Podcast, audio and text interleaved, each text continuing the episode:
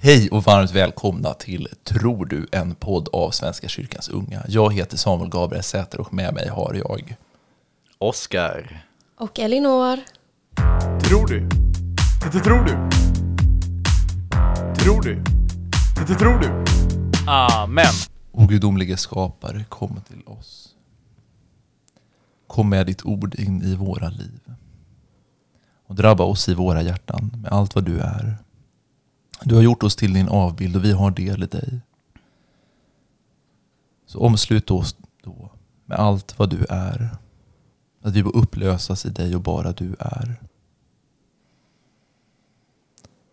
Kom med din välsignelse till våran värld och, vår, och skapelsen som är din. Allt det som du har gjort. Skänk oss då kraften att vårda den efter din vilja. Så att våra liv alltid må vara till din ära i evighet. Amen. Amen. Jag läser ur Johannes evangeliets första kapitel. Han skriver I begynnelsen fanns ordet och ordet fanns hos Gud och ordet var Gud. Det fanns i begynnelsen hos Gud. Allt blev till genom det och utan det blev ingenting till av allt som finns till. I ordet var liv och livet var människornas ljus. Och ljuset lyser i mörkret och mörkret har inte övervunnit det. Så dagens tema är Gud som skapare. Mm. Vi hörde ur eh, Johannesprologen alldeles nyss. Vi har ju tidigare haft ett avsnitt om själva skapelseberättelsen eller skapelseberättelserna i första Mosebok. Så nu kommer vi in med liksom en lite annan take på det ur ett annat håll. Vi har hört om hur Gud skapar med sitt ord och ordet var hos Gud. Och det, det tänker jag är väldigt spännande, just det här med ordet liksom. För att det är också det som sker i skapelseberättelsen.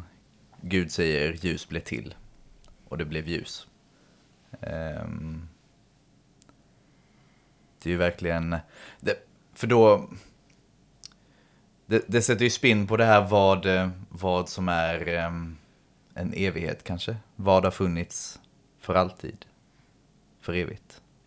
Eh, ja, Finns det inte väldigt mycket funderingar kring vad eh, Johannes menar när han skriver ordet? mm. Eh, skulle någon vilja förklara lite för mig? Eh, jag har inte lä- eller jag har ju såklart eh, läst Johannes. Men det är alltid, är inte detta ganska unikt för evangelierna? Just den här början. Jo, texten fortsätter ju med en liten utläggning om Johannes döparen som är någon slags litet instick kan man nästan kalla det. Men sen så fortsätter det. Och Johannes skriver, och ordet blev människa och bodde bland oss. Och vi såg hans härlighet, en härlighet som den enda sonen får av sin fader. Och han var fylld av nåd och sanning. Johannes syftar på som är ordet är Jesus Kristus, sonen i treenigheten. Och det är väl där det liksom blir lite balt, om man får använda sådana uttryck.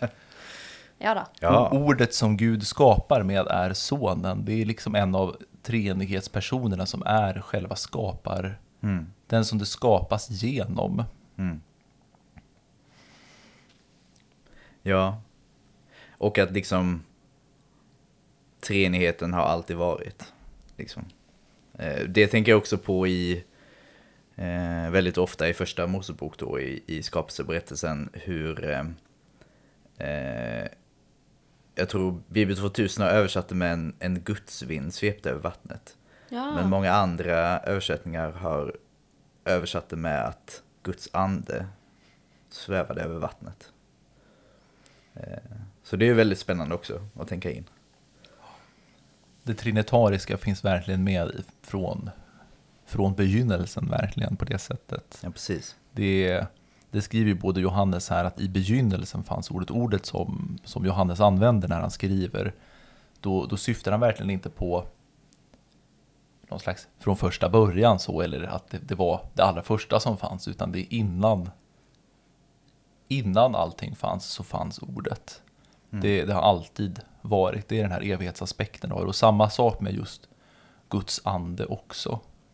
Treenigheten är evig. Det är inte Fadern som har skapat två till delar av, av sig själv Mm. heller på det viset, utan det är, helheten har alltid funnits. Mm.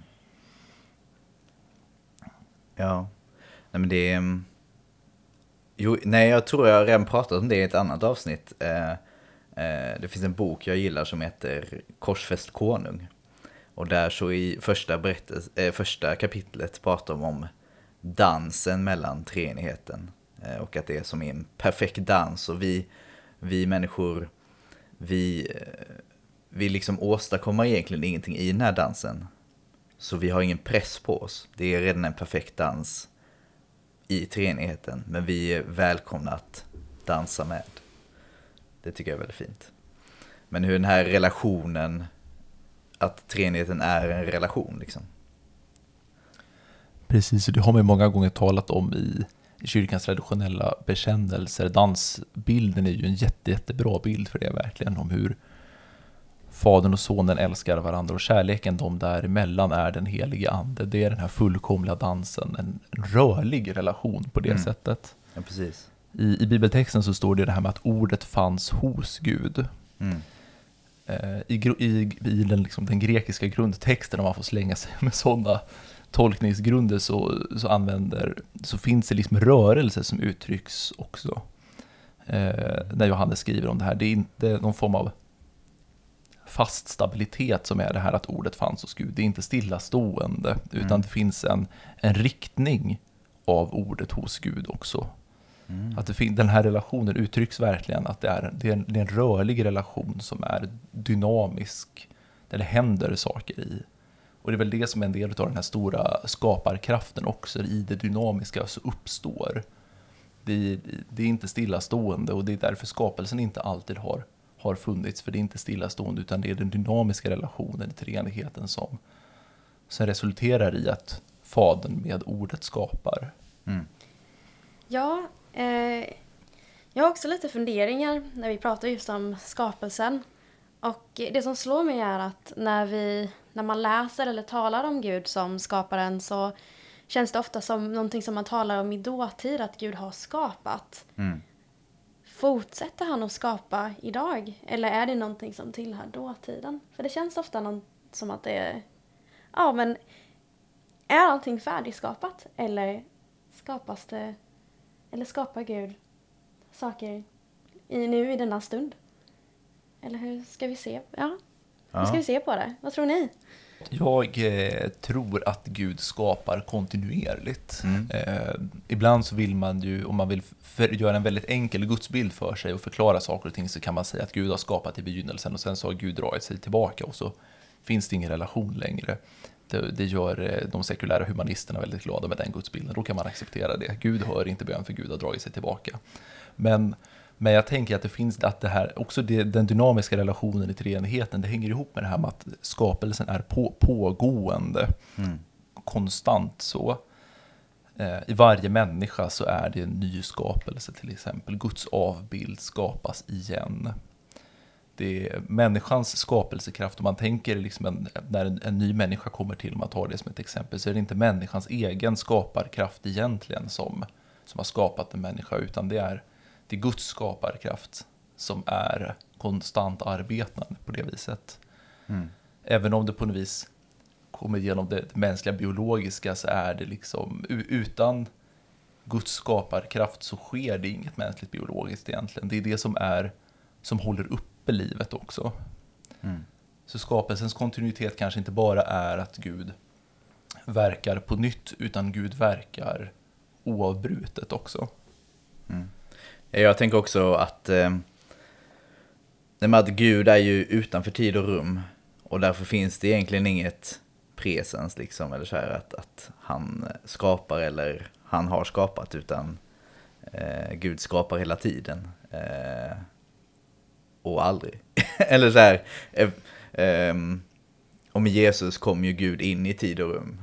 Liksom. Men, men att, och det är det som också blir, Eh, eller just, just det här med, med att Gud är utanför tid och rum tycker jag är så spännande eh, att tänka. Till exempel, eh, det möjliggör ju på ett sätt att jag kan be för sånt som har hänt i min tid. och eh, liksom eh, eh att det ändå får påverka på något sätt det som har hänt, eller vad man ska säga. Eh, det tycker jag är spännande. Nej men jag håller med eh, om att eh, det är kanske ett väldigt sekulärt sätt att se på eh, vad ska man säga, kristendomen. Att tänka att det som har hänt, att eh, skapelsen och det hände långt i det förflutna och nu, nu har vi bara släppt det fritt. Mm. Liksom vi, det skapas, det kommer ingen mer syndaflod och ingen ny himmel skapas. Alltså det är, I Bibeln är det ju liksom ja, hur hela världen skapas och det kan vara svårt kanske att ibland tänka att den, för man tänker att det är så dramatiskt och det är så stort. Händer verkligen det här, de här sakerna idag? Ehm, och då får man ju tänka liksom att, ja, precis som Samuel sa att ja, men det slutar ju inte att skapas. Även om berättelsen kanske inte har återupprepat sig, men att man inte slutar. För jag, det är ett väldigt vanligt tankesätt som jag också hör många säga, Mm. att, liksom att i dåtid Ja, då hände det grejer. Gud var aktiv, det, skapade, det skapades massa saker. Eh, men sen nu så har Gud tagit ett steg tillbaka från världen och lämnat det i händerna Mm. ja, på människan. Eh, och det är väldigt intressant hur man ser på det, att som att, jaha, vem, vem är det nu som är skaparen? Mm. Eh, och vill man tro på att Gud fortfarande är den som skapar, det kanske bara är inte så... ja, vi har, vi har ingen text som, vi har ingen eh, text som beskriver nutiden liksom, Mm. vad det är som skapas idag. Men att man ändå känner att nej, men det sker ju i Mm. världen och i oss. Mm.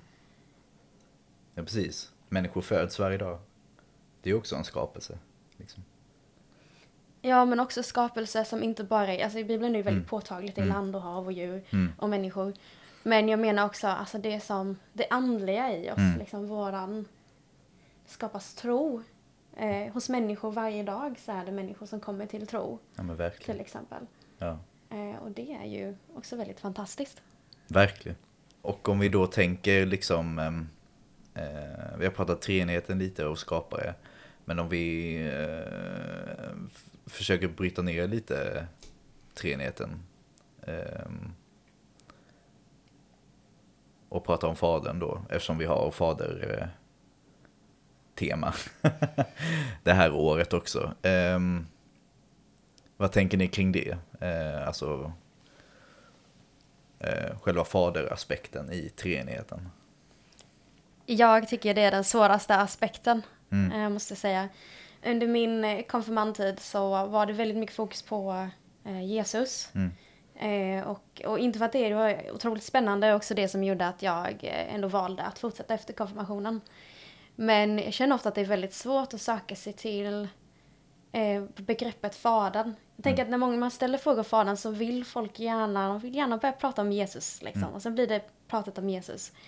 Eh, så att jag har lite, ja, jag har lite, inte dålig koll, men jag känner alltid att alltså, om jag ber till exempel så ber jag till Jesus. Mm. eh, till exempel, och det är Jesus som är närvarande. Mm. Så att jag har lite så här, ja det är lite svårare för mig att känna eh, ja, men det här fadersbegreppet. Mm. Och, så det är min egen så här personlighet, det måste jag jobba lite med och bli lite mer, ja veta lite mer, men jag kanske får lite mer insikt nu när jag har både ni här som är duktiga på det här. nej men, nej men jag, jag vet inte, vi alla är på samma plan som eh, sökare tänker jag. Eh, men, eh, men jag, jag, eh, jag känner samma sak. Eh, jag tänker att, att Jesus är så lätt att relatera till för att han är en, en människa. Eh, har kommit ner till jorden, liksom, levt liv som oss. Eh, anden på ett sätt är också ändå rätt okej att relatera till för att det är som en kraft, eh, liksom, ehm, jag känner eh, känslan. Ja, liksom. Medan fadern är kanske mer, tack för att du skapat mig, men sen vet jag inte riktigt kanske, vad ska jag nu? Hej fader. Ja men, precis, hur, hur pratar jag med Gud? Ja, Eh, det är väl, och kanske, nu, nu kanske många som kommer säga att varje gång jag ber så pratar jag till Gud, Mm. liksom sådär. Men jag själv kände liksom att, mm, ja, oj, pratar jag till Gud nu när Ja. vi hör Gud mig? Ja, precis. För det är ju också en grej att många, tänk, eller många kopplar ju Gud till Fadern, fast Gud egentligen är liksom hela treenigheten. Eh, så det är också en, en fundering kring, tänker jag. Vad tänker du Samuel? Jag tycker också det är svårt att tänka, fadern, tänka på fadern isolerad så. Mm. Eh, jag tycker det är jätteknepigt och jag tycker det är knepigt för det är, det är väldigt lätt att tänka att skapelseförmågan, det är fadern. Mm. Eh, och sen så är det det liksom. Och, och, och det finns nog liksom, och det finns nog djupt problematiskt i det egentligen för att treenigheten är liksom tre personer och inte tre olika egenskaper på det Mm. viset utan skaparkraften finns i hela treenigheten. Mm. Och, och då är det liksom, vad särskiljer fadern då? då? Mm. Om det inte är skapar, skapar förmågan, skapar kraften. Så jag tycker också det kan vara svårt att tänka vad det är som är speciellt med fadern som person i treenigheten egentligen. Många gånger så, eh, så är ju liksom i, på något vis i det som är kyrkans offentliga böner så är de väldigt ofta riktade till fadern Mm. genom sonen. Så, ofta, ofta är det liksom så det är formulerat. Mm. Och, och det är väl kanske där jag många gånger jag tycker att det kan vara lättast att, att relatera. I mitt privata böneliv så är det inte så.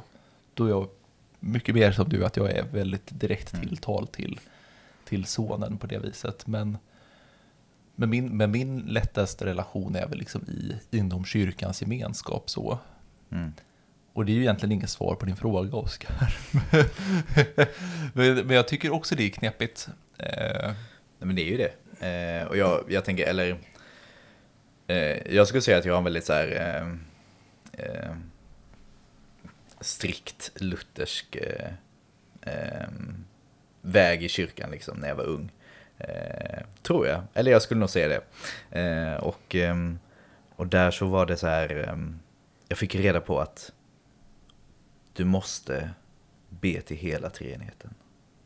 Annars så är det inte bra. Och då fick jag så här en press på mig, typ att okej, nu måste jag, okej, tack Fadern för det här och bla bla, tack Jesus och tack heligande.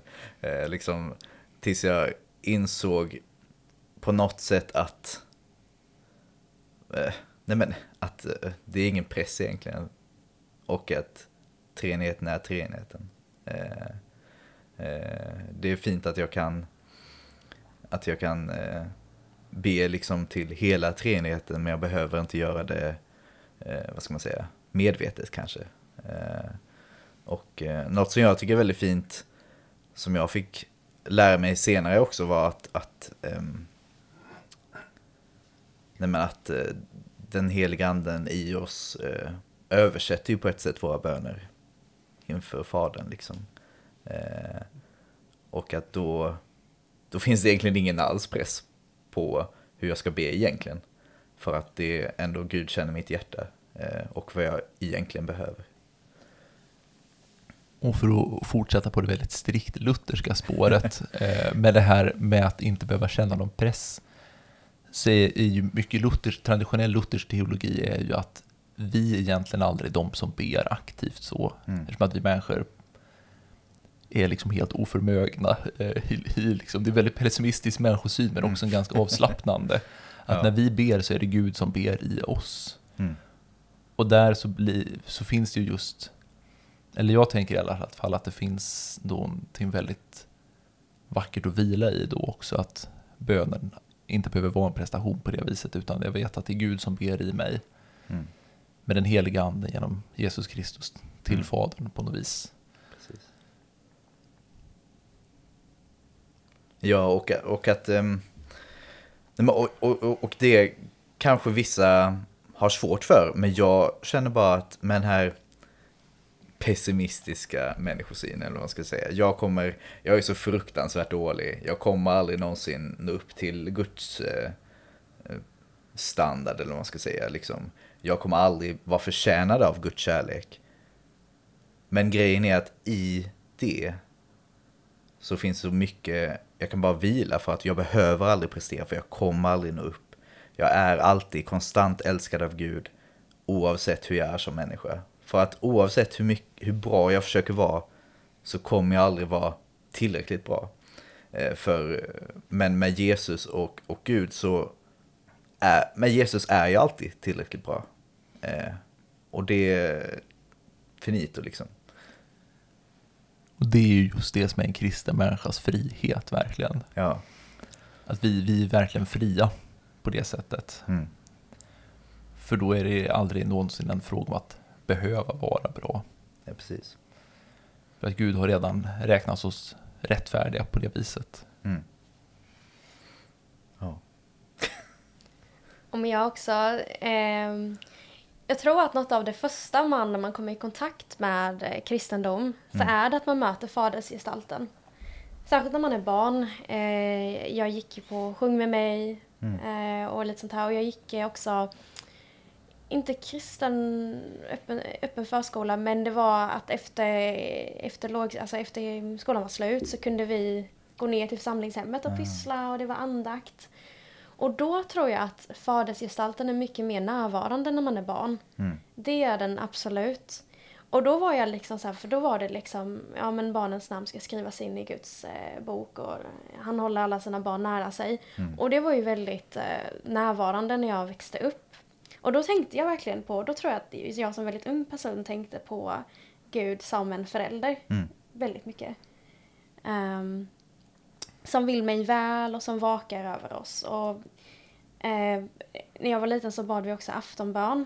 Eh, så det var alltid Gud som haver barnen Mm. kär.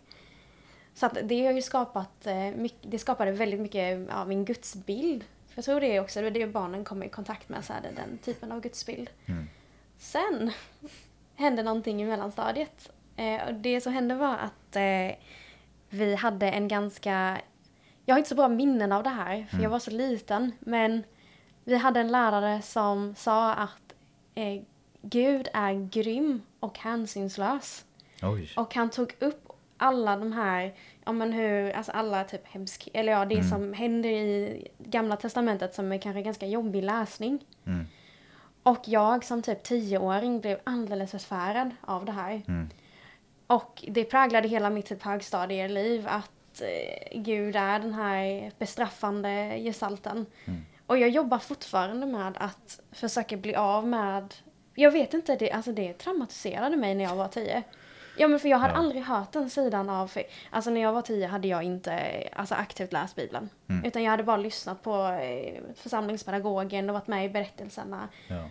Så att det, det kraschade helt med min, med min gudsbild och då blev jag jätterädd och bara oj, vad är det här? Mm. Och så tog jag väldigt mycket avstånd från liksom allt som hade med tron att göra. Mm. Sen fanns det ju inte heller att man kunde fortsätta då på det här efter, när, efter då sexan. Mm. Så att det var ju några år där, där jag liksom var helt, jag ville inte ha med det att göra, ingen aftonbön, ingenting. Eh, och sen när jag började på konfirmationen så började jag ju först connecta då med Jesus för jag var fortfarande lite rädd för den här fadersgestalten som Mm. har straffat folket och infört stränga regler eh, och lät då folket en läxa när de inte har skött Mm. sig. Ehm, så det har tagit, um, tagit många år för mig att smälta Gamla Testamentet Mm. och läsa och fråga eh, präster och liksom hur ska man se på den här gudsbilden som framförs. Eh, Mm. men det gick ju såklart bättre när jag blev lite äldre men eh, som tioåring så gick det inte så bra att höra det här. Ehm,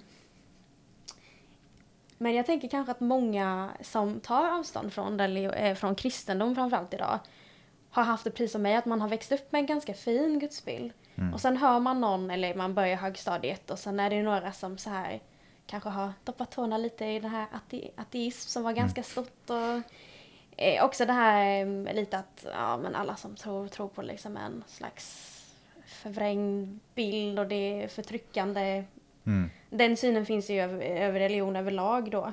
Och så kommer de i kontakt med det här och så blir det det här att de som är kanske, ja inte ett stort, stora fans av religion, de kommer citera gamla testamentet Mm. och bara, men vad, gör, vad är det här för någon gud? Mm. Och kanske den människan som inte är van vid den gudsbilden blir ju helt ställd, precis som jag blev. Man har inget svar på tal. Man Nej. blir liksom, man bara, nej men hur ska jag svara till det här? Och man, man börjar tvivla. Mm. Så att, ehm, ja, jag tror tyvärr att fadern ibland kan användas som ett, eh, ett motargument. I så fall är det jag stött på. Jag har typ aldrig stött på någon som motargumenterar, liksom som säger men Jesus. Mm. Utan det är alltid fadern som används då. Och Vad det, är det här? precis. Och det är ju, alltså det är ju väldigt, eh, var det i skolan? Ja, det var i skolan. Ja, väldigt problematiskt. Eh, och att det också... Jag tror det, det, blir, eh, det blir en väldigt skev bild också. Eh, det, nej men det är väldigt problematiskt när, när, när folk säger ja men i gamla testamentet där var Gud jätteelak och dum och straffade och i nya testamentet så wow wow wow, yeah du är förlåten. För det bidrar också väldigt mycket till en skev bild på judendomen till exempel. Eh, och antisemitism liksom. Att, eh, och jag tror folk glömmer bort väldigt ofta. Ja, men till exempel läs Psaltaren. Eh, där är det ju hur mycket gott som helst om Gud. Liksom. Att Gud räddar en och, och eh, leder en genom eh, onda perioder och, och, och, ehm, och allt sånt. Och, ehm, nej men, ja, nej men jag tror också det är väldigt, eh, ja, men det är väldigt problematiskt bara. Ja, dålig lärare verkligen. Eh, Eh, bort, bort med den. Ja, jag, jag tror inte han lyssnar på den här podden. Nej, nej. Men vet ni vilken lärare det är? Så släng honom i soptunnan. Men jag, men jag tänker att det finns något annat djupmänskligt i den typen av liksom gudsbilds och trosutveckling också. Jag, tänker, jag, jag tror spontant att det är ganska lätt att relatera till faderspersonen som barn. Av, av rent liksom psykologiska skäl så att man som, som på något vis infantil, eh, infantilt barn och är i behov av en föräldragestalt. Så även om man kanske har, och jag tror att det är liksom helt ointressant ifall man har liksom bra eller dåliga föräldragestalter hemma egentligen, därför att när man som barn så är man på något vis i, i beroendeställning alltid. Och jag tror att det är väldigt lätt att relatera till faderspersonen i treenigheten av den anledningen. Och jag tror också då sen när man väl växer upp, så tror jag att det är väldigt mycket också lättare att man övergår till att börja relatera till sonen istället. För att i sonen finner vi på ett annat sätt aspekterna av vänskapen på ett annat sätt. Vi finner den älskaren på ett annat sätt i sonen. Eh, och jag tror att det är liksom när man börjar växa upp och, och, och, och sök och finner liksom i guden mer på ett annat sätt, kanske inte jäm, jämställd relation, kanske liksom fel sätt att se det också, eller kanske det är inte riktigt det jag menar, men det är på ett annat sätt liksom i ögonhöjd när man inte är i liksom det totala beroendet, utan det finns, utan det är mer en form av kanske ömsesidig kärlek som strömmar mellan människa och Gud, så är det liksom lättare att då relatera till sonen, tror jag. Man vill finna sig själv i Gud liksom. Exakt, exakt. Eh, och det är väl liksom inte så konstigt, tror jag heller, om man som skapad människa är skapad genom ordet så är det också lätt att relatera till ordet, för att det är ordet som så tydligt är på något vis den skapande effekten, så att säga. Ja. Oj, det här fick mig verkligen att tänka på att, eh, nej men hänger det här ihop med ens egen liksom så här det här är ju bara ens uppväxt. Typ Ja. så att först så är man trogen sina föräldrar och lyssnar på vad de säger. Ja. Och sen så hamnar man i en rebellisk tonårsfas typ. Och då relaterar man till sonen för då vill man inte lyssna på sina föräldrar. Ja. A.k.a. inte lyssna på Gud heller. Ja. Utan då är det lättare att så här, ja men Jesus är ju en av oss. Vandrar med oss lite mer. Ja. Aha, då tänker jag att oj, det var mina tonårsfasoner som spelade in där. eh, och sen kanske, ja, men nu, vet, nu är jag i helig andefas i så fall. Ah. Jag kände att jag hade tagit det steget efter att blivit 20 så har det blivit, så jag oh, jag har betat av. Eller hur? Det tar typ 10 år på varje. Ja, vad spännande. Ja, men verkligen. Aha, det kan så det funkar. Mm. Jag vet inte vad som hände efter 30 då. Uh-oh. Det är då du hittar treenigheten. Aha, då kör vi inte isolerat tema Nej. utan då ska vi försöka sätta ihop allting. 30-onigheten. Ja. Men, eh, men jag tänker om vi går tillbaka till, eh, till det här med Gud som skapar också då. Ehm, Jag tänker en spännande grej är väl att, att eh, vi är Guds avbild och, och ehm, vi vill också skapa på det sättet. Vi har en, en fader som är skapare och skapade oss. Och då vill vi också skapa. Ehm, eh, Samuel, du sa något om eh, Thomas av Aquino, eller vad sa du förut? Ja, det är ju dagen till ära så är det hans helgondag idag. Och ni som är riktigt nördiga kan ju i så fall lista ut vilket datum det är vi sitter och spelar in till och med i så fall. Eh, Men Thomas av Aquino, han jobbar ju mycket med, med analogier, liknelser kan man kalla det. Och han, och han snackar verkligen just det här om hur det funkar med att vara Guds avbild. Och att det, det innebär att vara skapad av Gud innebär att man har liksom del i sin skapare. Och Thomas Aquino han jobbar med, med flera liksom, bilder på olika sätt. Han pratar om hur en, ifall en snickare till exempel just snickar, en, snickrar ihop en eh, docka kan vi säga. Då, har liksom, då finns det en relation mellan snickaren och dockan som är att dockan skulle inte finnas till utan snickaren. Och då har liksom dockan del i, i snickarens egenskap, nämligen att snickra ihop dockan. Snickaren skapar dockans dockighet, så att säga. Eh, och på samma sätt så är liksom, och en av de främsta egenskaperna hos Gud så är det Gud som skapare, skaparkraften. Och när vi blir Guds avbilder, då får vi, då har vi på samma sätt så som dockan har del i snickaren, så har även det skapade del i sin skapare, alltså människan har del i skaparen Gud. Och på så sätt så finns det även liksom en skaparkraft i människan som Gud har på något vis liksom lagt ner därför att vi har, har del i Gud väldigt, väldigt direkt så. Och, och där kan man på något vis då finna människans tendenser till att skapa människans längtan efter estetik på något vis, att skapa. Att det, och det finns något väldigt djupt, något liksom grundläggande mänskligt i det. För att det är en del av på något vis det mänskliga tillståndet i sin, i sin grundförutsättning att skapa för att människan är del av sin skapare. Förklarar du precis handlingen i Pinocchio? Men ja, Ja. och vem kom först, Thomas av Aquino eller Pinocchio? Mm. Tänk på vem som, vart vart man tog idéerna ifrån.